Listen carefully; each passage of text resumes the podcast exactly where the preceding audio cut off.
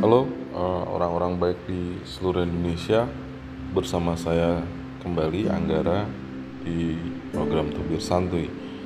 Kali ini kita akan membicarakan soal lambang negara kaitannya dengan uh, berbagai mural yang dianggap mengganggu uh, sebagian orang.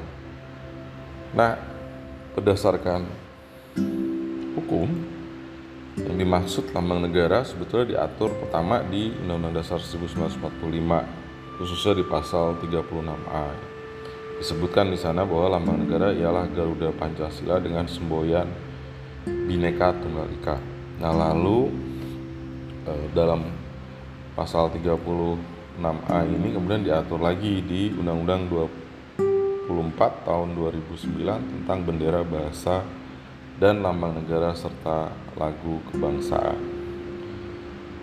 Dalam ketentuan pasal 1 ayat 3 undang-undang tersebut disebutkan bahwa lambang negara yang selanjutnya sebagai lambang negara kesatuan Republik Indonesia yang selanjutnya disebut sebagai lambang negara adalah Garuda Pancasila dengan semboyan Bhinneka Tunggal Ika. Nah, apa kaitannya dengan mural?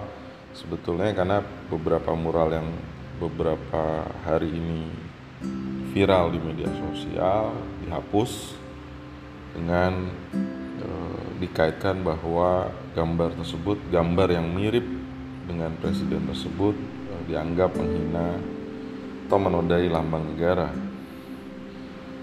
E, saya tadi sudah sebutkan bahwa lambang negara menurut hukum itu ya terbatas pada Garuda Pancasila dengan semboyan Bhinneka Tunggal Ika, bukan sosok pejabatnya bukan sosok orangnya.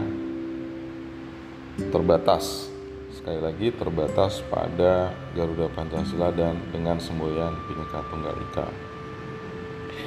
Kira-kira demikian tubir santuy kali ini. Jangan lupa kunjungi kami di www.ngertihukum.id dan subscribe seluruh channel media sosial kami di Twitter, fanpage, eh, Instagram, YouTube, dan juga podcast di Ngerti Hukum ID.